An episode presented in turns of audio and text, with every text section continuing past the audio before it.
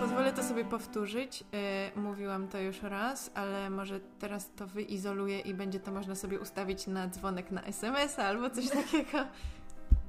Dobrostan psychiczny to podstawa zdrowia.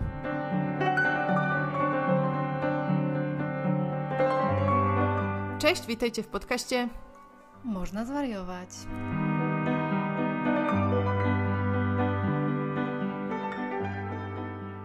Cześć, ja jestem Kleo z Fundacji Można Zwariować. Ja jestem Ania z Psychoedu. I dziś będziemy rozmawiać o temacie y, jesiennej depresji lub jesiennej handry. Ale zanim to, z czym zaczynasz, Kleo? Racja, zawsze o tym zapominam. Y, z czym ja zaczynam? Dzisiaj miałam fajny dzień, dlatego że y, udało mi się w weekend namówić mojego tatę, który jest zdecydowanym zbieraczem urządzeń i miał zebrane wszystkie telefony komórkowe, na pewno od mojego i mojej siostry pierwszego telefonu komórkowego.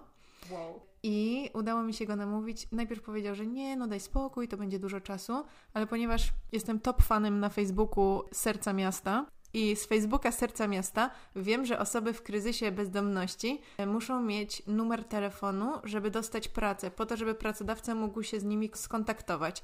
Ale żeby mogły mieć numer telefonu, to muszą mieć ten telefon. Więc Serce Miasta zbiera takie telefony, które działają, ale których nie używacie.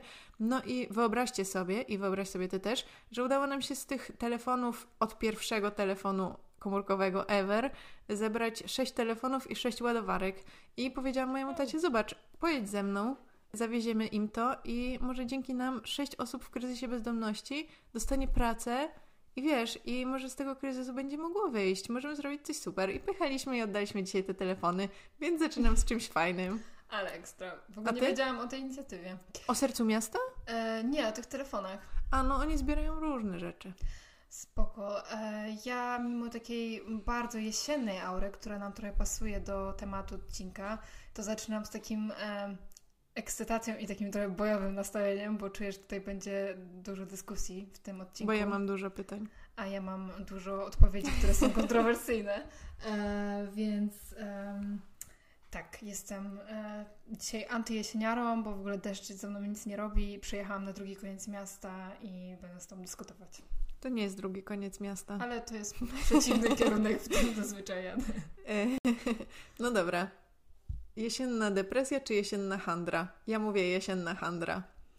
Ja mówię, że jesienna handra ok, ale jest też jesienna depresja, która jest trochę poważniejszym stanem niż zwykła handra. I odróżniłabyś jedno od drugiego w jaki sposób? Może nie posługujemy się tym nieszczęsnym sformułowaniem jesienna depresja, tylko zaburzenia afektywne, czyli nastroju e, sezonowe. Żeby spełnić kryteria diagnostyczne tego zaburzenia, to mm, obserwuje się minimum dwa lata z rzędu właśnie występowanie epizodu depresji w okresie jesienno-zimowym. Ten epizod depresji musi spełniać wszystkie elementy diagnostyczne takiego typowego epizodu depresji, ale przypomnijmy je, bo to jest mm, bardzo istotne, żeby je znać. E, czyli uczucie smutku, pustki, może być też lęk, niepokój. Przewlekłe przemęczenie, które tutaj akurat dla tej sezonowej depresji jest bardzo kluczowe. Obniżona aktywność, brak mo- motywacji, brak inicjatywy do działania. Pogorszona jakość snu, e, to jest często właśnie ospałość, trudności z porannym wstawaniem, e, natomiast e, też mogą być to problemy z zasypianiem lub wybudzaniem się w nocy. E, Zwiększony apetyt, też bardzo charakterystyczny dla tych sezonowych zaburzeń. Częstsze spożywanie węglowodanów i w skutku zwiększania się masy ciała.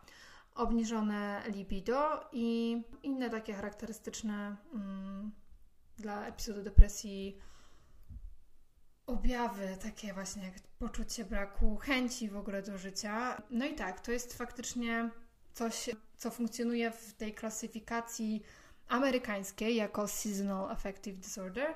Natomiast e, w ICD-10, która obowiązuje w Polsce, jest to jako inne zaburzenia depresyjne. Dlatego może w Polsce tak mało się o tym mówi wprost. Natomiast ja też nie jestem fanką, żeby dzielić te mm, depresje czy w ogóle zaburzenia psychiczne na jakieś podtypy konkretne i, i jeszcze tutaj, e, nie wiem, mniejsze sobie podgrupki robić i mniejsze te zawężać te kryteria diagnostyczne. Natomiast uważam, że to jest dobry pretekst, żeby zacząć dyskusję o tym, dlaczego powinniśmy dać sobie więcej odpoczynku jesienią i zimą i bardziej właśnie skupić się na regeneracji. Ja się zastanowiłam nad tym tak łopatologicznie. To znaczy, jeśli zwykła depresja to jest ten stan przewlekłego smutku, którego nie można jakoś racjonalnie wytłumaczyć. To znaczy, że to nie jest smutek po stracie bliskiej osoby, e, żałoba, no to depresja powodowana pogodą mhm. ma jakąś przyczynę. Mhm. Więc to jest smutek powodowany czymś, no nie? E, no tak, to niekoniecznie możemy chyba mówić o, o tym, że to jest powodowane pogodą. E, oczywiście pogoda ma w ogóle na wiele osób, e, ma wpływ na nasz nastrój, e, nawet jeśli nie mamy żadnego zaburzenia, ale tutaj mówimy o m, mm, bardzo istotnej rzeczy, jakim jest brak światła. Wychodzi na to, że w takim razie ta jesienna handra nie ma takiego podłoża i genezy, jak klasycznie rozumiane zaburzenia psychiczne, no nie? Mhm. E, Można tak powiedzieć? No, że jest to bardziej egzogenne, czyli z zewnątrz, niż endogenne, mhm. tak? Czyli nie jest to tylko nasze przeżycie wewnętrzne. Natomiast e, myślę, że tak no, samo... No a czy właśnie tym nie są zaburzenia psychiczne, takie jak depresja? Tak, znaczy, wiesz, mamy też na przykład zaburzenia e, posttraumatyczne, które też nie biorą się zupełnie z, zewnątrz, z wewnątrz, tylko jest ten aspekt dodatkowy, tak, który coś właśnie triggeruje. Możemy się zastanawiać tak naprawdę, czy możemy to porównać do typowej depresji, czy ona jest, nie wiem, równie ważna, e, czy nie, ale też perspektywa ewolucyjna, której ja jestem fanką, pokazuje, że w ogóle w naszej kulturze, e, kulturze naszej cywilizacji, e, jesień od dawna była takim okresem zmniejszej aktywności. Ten okres jesienno-zimowy, z racji tego, że dni były krótsze, ale też chłodniejsze, bardziej skupiał się na gromadzeniu zapasów, na odpoczynku, na jakimś e, przebywaniu raczej w domu, aniżeli pracy gdzieś, nie wiem, na polu czy, czy ogólnie na zewnątrz. I, I też to, że tego światła było mniej, automatycznie powodowało, że ludzie więcej odpoczywali, więcej e, przebywali po prostu w domach. Niektórzy badacze w ogóle porównują to do procesu hibernacji u, u wielu ssaków czy też właśnie takiego gromadzenia tkanki tłuszczowej na, na ciele. No ale to w takim razie dlaczego to nie jest obserwowalne u każdego? Skoro to są te czynniki, które tak samo na każdego wpływają. Moim zdaniem nie jest to obserwowalne u każdego pod rodzajem zaburzeń sezonowych, e, depresyjnych, bo nie każdy z nas idzie do psychiatry po taką diagnozę. Natomiast myślę, że wiele osób nie wszyscy, ale wiele osób może zauważyć taki obniżony, obniżony nastrój czy obniżony poziom energii właśnie w tym okresie jesienno-zimowym. No tak, ja, jak już zdążyłam y, wcześniej wspomnieć, jestem tą osobą, która, która zje coś i potem kompletnie nie łączy tego, że ją boli brzuch akurat od tej rzeczy, więc też bardzo długo mi się wydawało, że y, na mnie kompletnie pogoda nie wpływa w żaden sposób.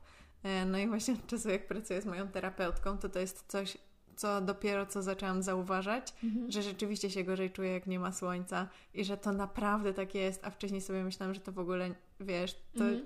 it's not a thing. Znaczy, to nie jest coś, co na mnie wpływa. My też często to łączymy właśnie z tym pragmatyzmem, o którym ty lubisz mówić, że jeśli budzę się i widzę przez okno, że świeci słońce, to myślę sobie, o super, nie wiem, wyjdę, załatwię tyle rzeczy na mieście, będę mogła sobie, nie wiem, pochodzić albo pojeździć rowerem, a jeśli widzę, że pada deszcz, to po prostu mi się nie chce wychodzić z łóżka, że jakby ja nie chcę zmoknąć, nie lubię tego, mhm. nie lubię jak jest mi zimno. I jasne, nie każdy musi mieć tak samo jak ja e, i, jakby akceptuję to, ale jednak e, to, co jest jakby właśnie z tej, e, cenne według mnie z tej perspektywy ewolucyjnej, to, że my e, pracujemy, czy w ogóle funkcjonujemy na takim samym, na takich samych obrotach, zarówno w okresie wiosenno-letnim, jak i jesienno-zimowym.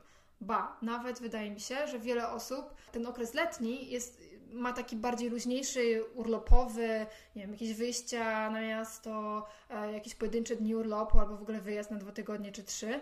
A to zimą e, zabieramy się do pracy, tak? Mhm. Tutaj przychodzi jesień, wrzesień, a my musimy zakasać te rękawy do pracy, bo jakieś tam już wyzwania w korpo czekają, czy innym miejscu, a, a zaraz w ogóle są święta, jedne, drugie i, i trzeba kupować prezenty. I tej, tej, tej pracy jest tyle, że po prostu w pewnym momencie chyba każdy z nas może sobie przypomnieć taki moment w grudniu, gdzie nie wyrabiamy i już tylko czekamy do tych świąt, czekamy, żeby mieć to kilka dni wolne, a potem cała rodzina się zjeżdża, jest jakaś awantura, albo nie wiem, dużo po prostu emocji, dużo jakichś kolizji z tym związanych i jeszcze bardziej przeżywamy stres.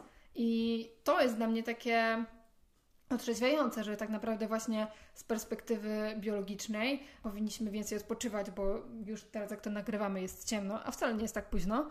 E... Jest siódma. Natomiast e, cały czas pracujemy i pracujemy chyba więcej niż latem.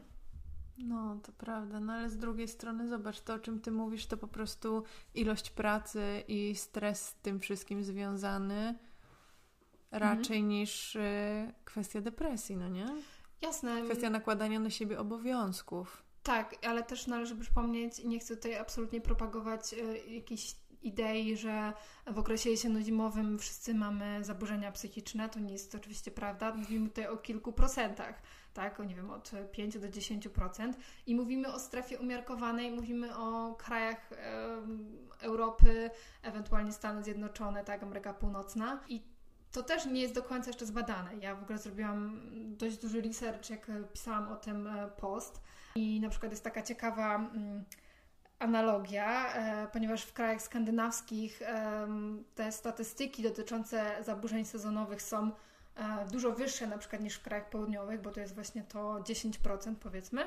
Mm, natomiast jakimś totalnym ewenementem jest Islandia, gdzie praktycznie tego zaburzenia nie ma. Bo I... tam jest tak cały czas prawie, że... E, znaczy, wiesz, no, tam jest w ogóle występuje jakaś prawie noc polarna, więc jak Tam masz... występuje noc polarna tak, i dzień tak, polarny. Tak, jak masz tak ograniczony dostęp do światła, no to niby dlaczego nie występuje to zaburzenie, które jest powodowane brakiem dostępu do światła. E, no i tam naukowcy to oczywiście badali i stwierdzili, że to ma już jakieś powiązania genetyczne, że być może po prostu um, Islandczycy tak wyewoluowali, że nie wiem, przyswajali więcej omega-3 kwasów, bo jedli dużo ryb.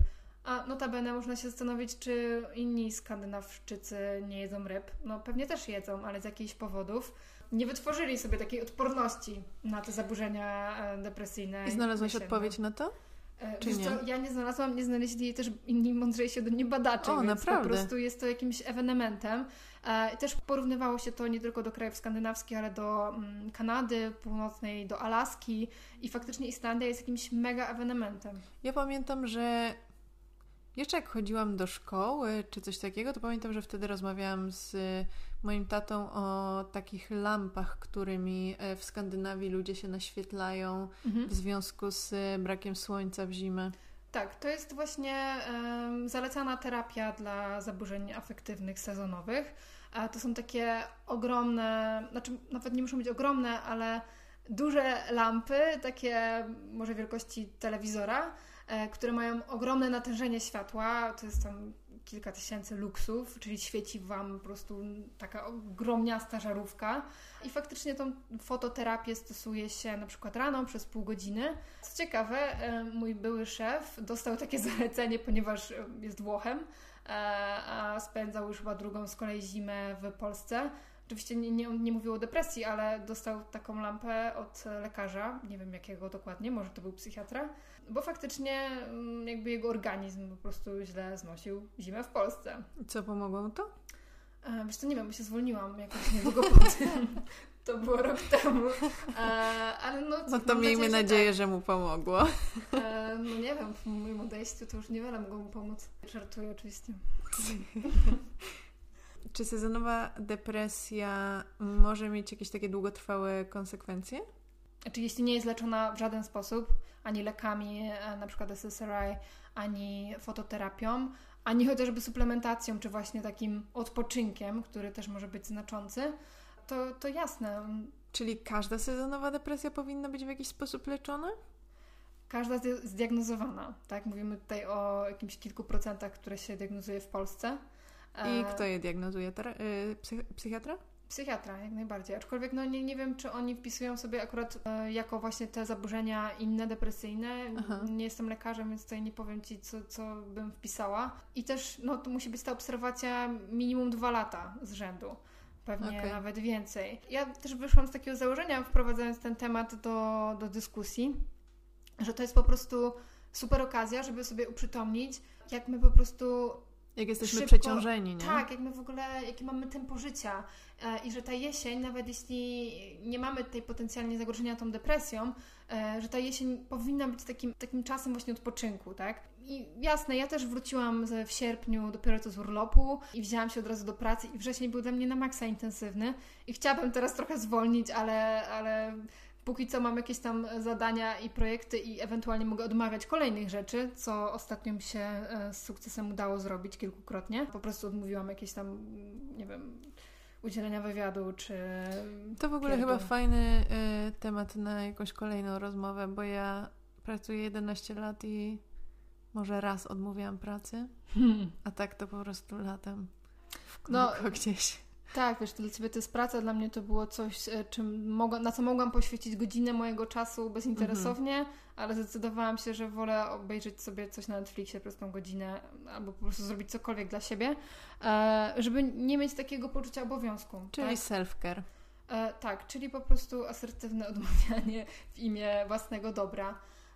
No i nie wiem, do mnie jakoś bardzo przemawia ta perspektywa ewolucyjna w ogóle i, i to, że nasz świat jest tak absolutnie niedostosowany do gatunku ludzkiego, jakim jesteśmy.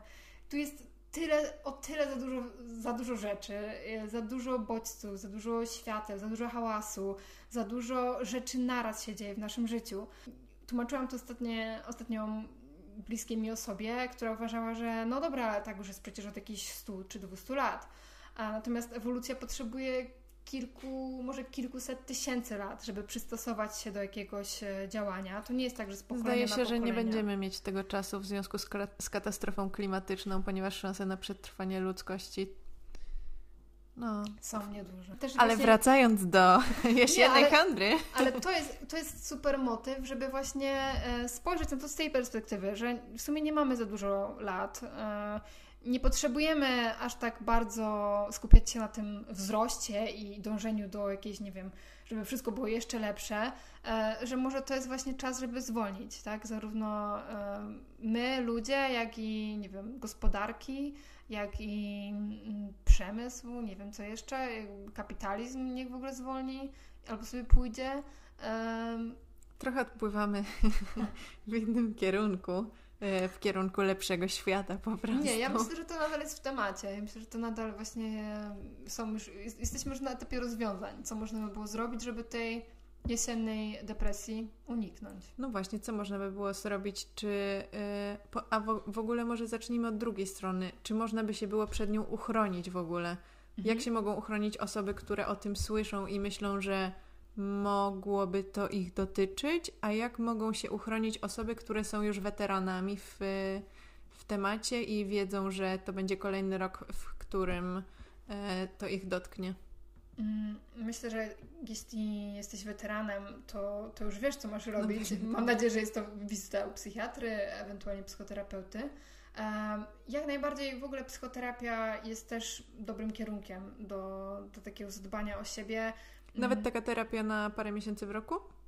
E, tak, jak najbardziej. Jakby no w ogóle nasz model psychoterapii e, jest, e, nie wspomniałyśmy o tym ostatnio, ale jest taki bardzo właśnie od, e, od A do Z, nie? że my idziemy na terapię, spędzamy tam regularnie kilka em, nie wiem, tygodni czy przeanalizowania czy całego lat. swojego życia i naprawienia wszystkich błędów. Tak, dokładnie. I to jest takie bardzo maksymalistyczne, że my tam Mhm. idziemy, spędzamy właśnie to, to kilka miesięcy czy lat. Natomiast e, wiem, że na zachodzie ten model jest troszeczkę inny, że tam Taki bardziej doraźny. tak, tam po prostu wpadasz do twojego psychoterapeuty, bo każdy ma swojego psychoterapeutę. Wiadomo. E, i, I po prostu pot, jeśli potrzebujesz pogadać, to, to tam możesz sobie wpadać.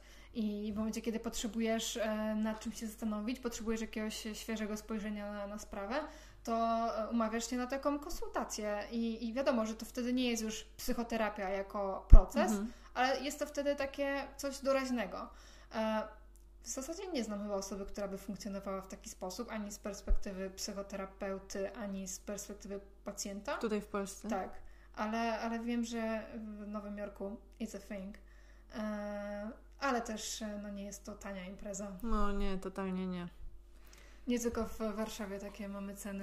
Czy, czy depresja sezonowa to jest kwestia niedoboru y, promieniowania słonecznego i jeśli tak, to czy nie wystarczy po prostu witamina D i y, lampa, ta lampa specjalna słoneczna? Ta, lampa specjalna kosztuje kilkaset, jak nie tysięcy złotych, więc to nie jest też coś, co każdy z nas może, e, może sobie po prostu załatwić.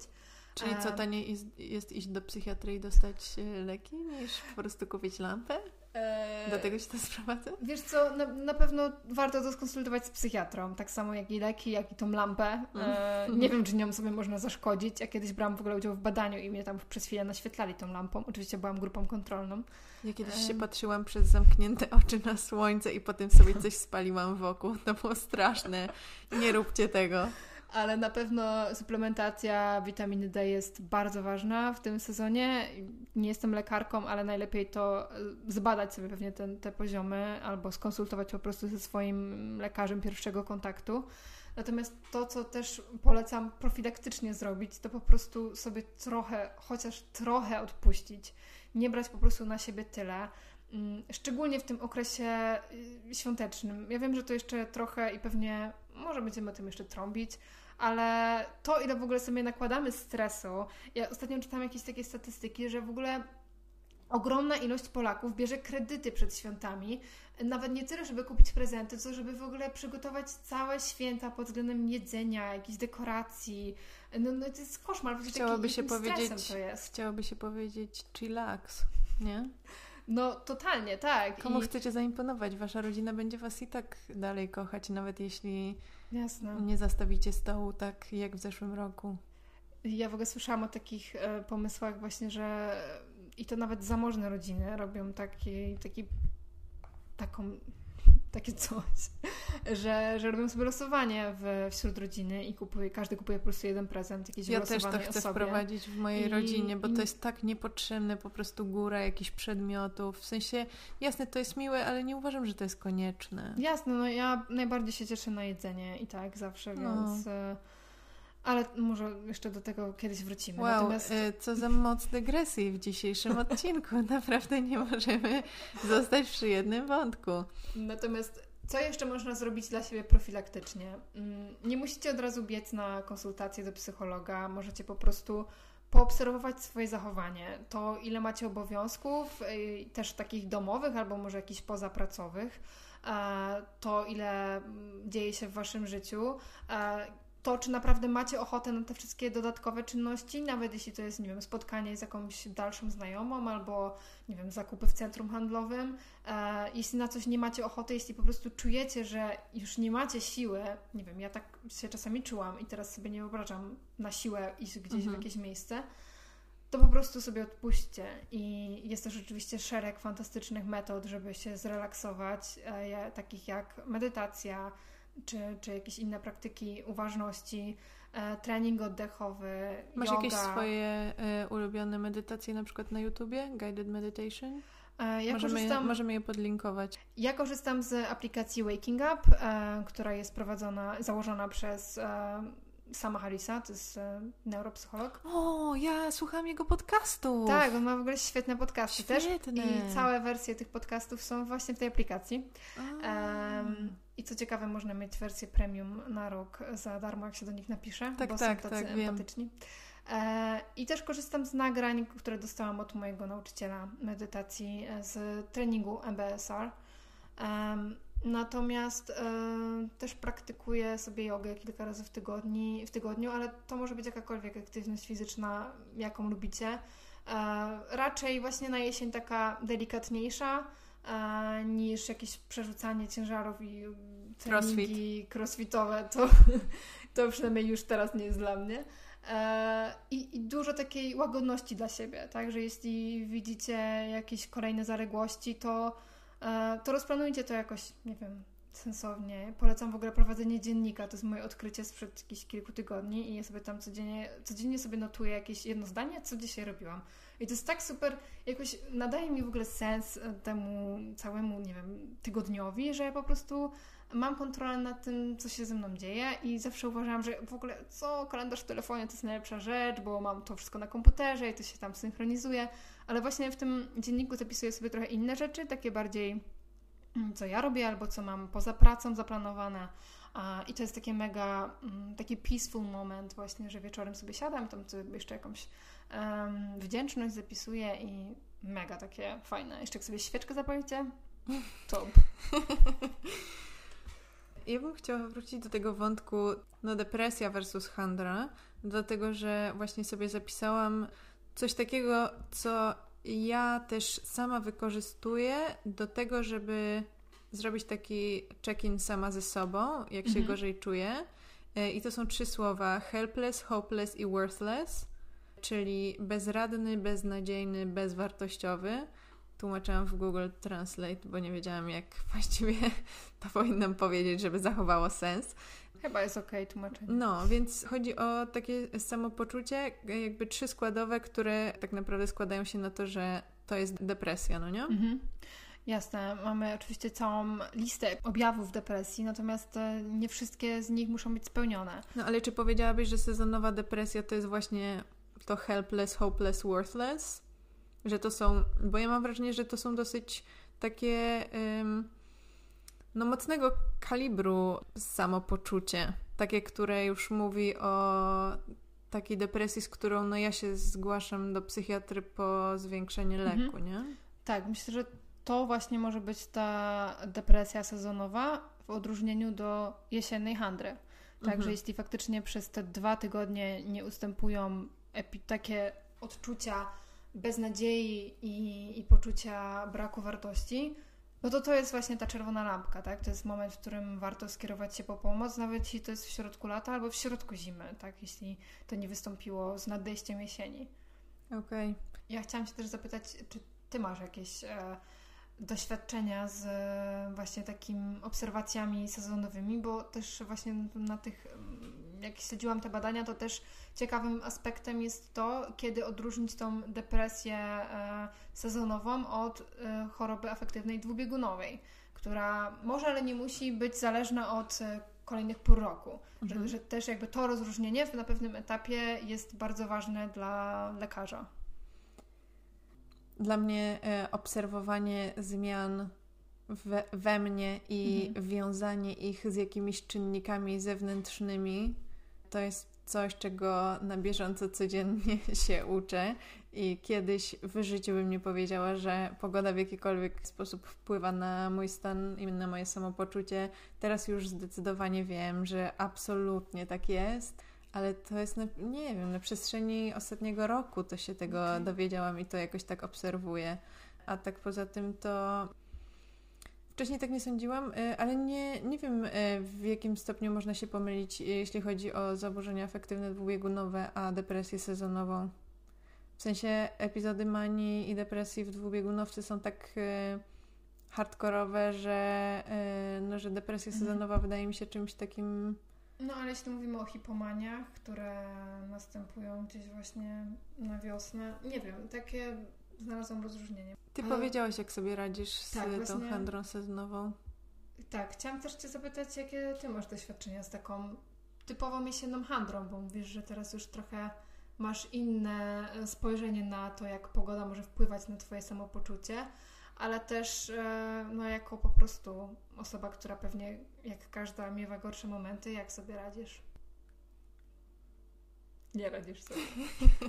nie, no właśnie ja sobie radzę bardzo dobrze, ale kompletnie nie umiem wy, wyizolować tego, co jest takim jakimś najlepszym mm. czynnikiem. No, wiem, że w moim przypadku łatwo po prostu powiedzieć, że biorę regularnie leki i one mnie naprawdę dobrze ustawiają. E, poza tym co tydzień e, jestem e, religijnie, co tydzień jestem na terapii. A tak poza jakby mam wrażenie, że to był po prostu taki długi proces mojego dochodzenia do dobrego same, samopoczucia i aplikowania różnych takich rzeczy, które się, których się dowiedziałam albo których się dowiedziałam od E, na terapii, albo mhm. jakichś takich mikrofaktorów, które mogą w, e, w pozytywnie wpłynąć na mnie. Dziękuję, Miron. Tu jest koło mnie. E, no więc to był po prostu proces aplikowania do mojego życia tych takich rzeczy, które mogą na mnie pozytywnie wpłynąć i de facto Miron. Dobra. I de facto y, wydaje mi się, że ja już one są jakoś tak wdrożone w moje życie, że ja już ich nie zauważam. Mhm. Wiesz, tak jak na przykład kiedyś, Może po prostu jesteś ten level wyżej ode mnie. Self-carze. może, ale może to też dlatego, że y, to są po prostu lata, lata, lata y, Mhm. prób i błędów y, w osiągnięciu dobrego samopoczucia. E, Mhm. no szczególnie przy chadzie to jest y, jakieś wyjątkowo Karuzela. trudne, wyjątkowe karuzele, oczywiście. To też myślę, że fajnie pokazuje, że, że niekoniecznie ta jesień musi się kojarzyć z jakimś pogorszeniem. E, może właśnie jak masz już to ogarnięte, Mhm. to jest okej, jest jakiś Tak. Konstant tego, nie? Że, że nie musi ci się to kojarzyć teraz, że o Jezu, teraz trzeba się zakopać pod kocem, e, bo jednak dużo osób wychodzi z takiego założenia i myślę, że właśnie słusznie, że mm, od chyba zeszłej jesieni jest ten e, trend jesieniarstwa i jeszcze wcześniej było to całe hygge i właśnie też jakieś kocyki i lampeczki e, i, i dużo osób sobie robi z tego jaja, ale ja myślę, że jest jakaś w tym wartość i w każdej takiej modzie jest trochę też sensu i przyczynowości, tak? Że no nie po to e, ludzie promują chyba e, takie, nie spędzanie czasu w domu i o- na odpoczywaniu, e, żeby to miało jakieś złe korzyści, no bo kto na tym traci? No właśnie, szczególnie, żeby miało złe korzyści. Same dobre korzyści.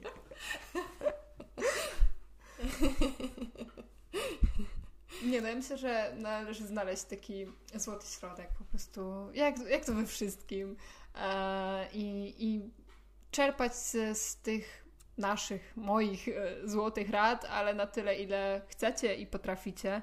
E, oczywiście życie każdego z nas jest totalnie inac- in, inne i może macie właśnie, nie wiem, taki tryb życia albo taką pracę, która daje Wam zupełną swobodę i nie potrzebujecie wcale zwalniać, to wtedy po prostu na maksa Wam zazdroszczę. E, natomiast... E, To natomiast ja. a, e, natomiast e, no, z mojego doświadczenia takiej pracy typowo biurowej, po prostu jak robi się o godzinie 16 ciemno, a ty jeszcze musisz spędzić to kilka godzin w biurze, no to na maksa się wszystkiego odechciewa. Nie no, fatalnie. Ja czasami pracuję w studiach, y, które, w których pracujemy ze sztucznym światłem i w związku z tym zasłaniane są wszystkie okna, więc nieraz jest tak, już teraz nawet ostatnio e, Mhm. byłam w pracy, także e, przychodziłam o 6 rano i, i było ciemno i wychodziłam i też było ciemno. A jednocześnie Mhm. nie widziałam nic, co się dzieje za No. oknem, bo wszystkie były zamknie- zasłonięte. Mm, A tak jeszcze a propos tego mojego em, dbania o siebie, no to tak sobie pomyślałam, że właśnie to jest chyba po prostu coś, co ja robię cały rok e, i coś, co wypracowałam w sobie do tego stopnia, że właśnie już o tym nie muszę myśleć, ale te takie rzeczy to są. Mm, udało mi się opanować trudną sztukę bycia tu i teraz, ale nie wiem, czy nie, ja jej nie przeopanowałam. To znaczy, że Nie Napra- myślisz o przeszłości ani przyszłości. ani przyszłości.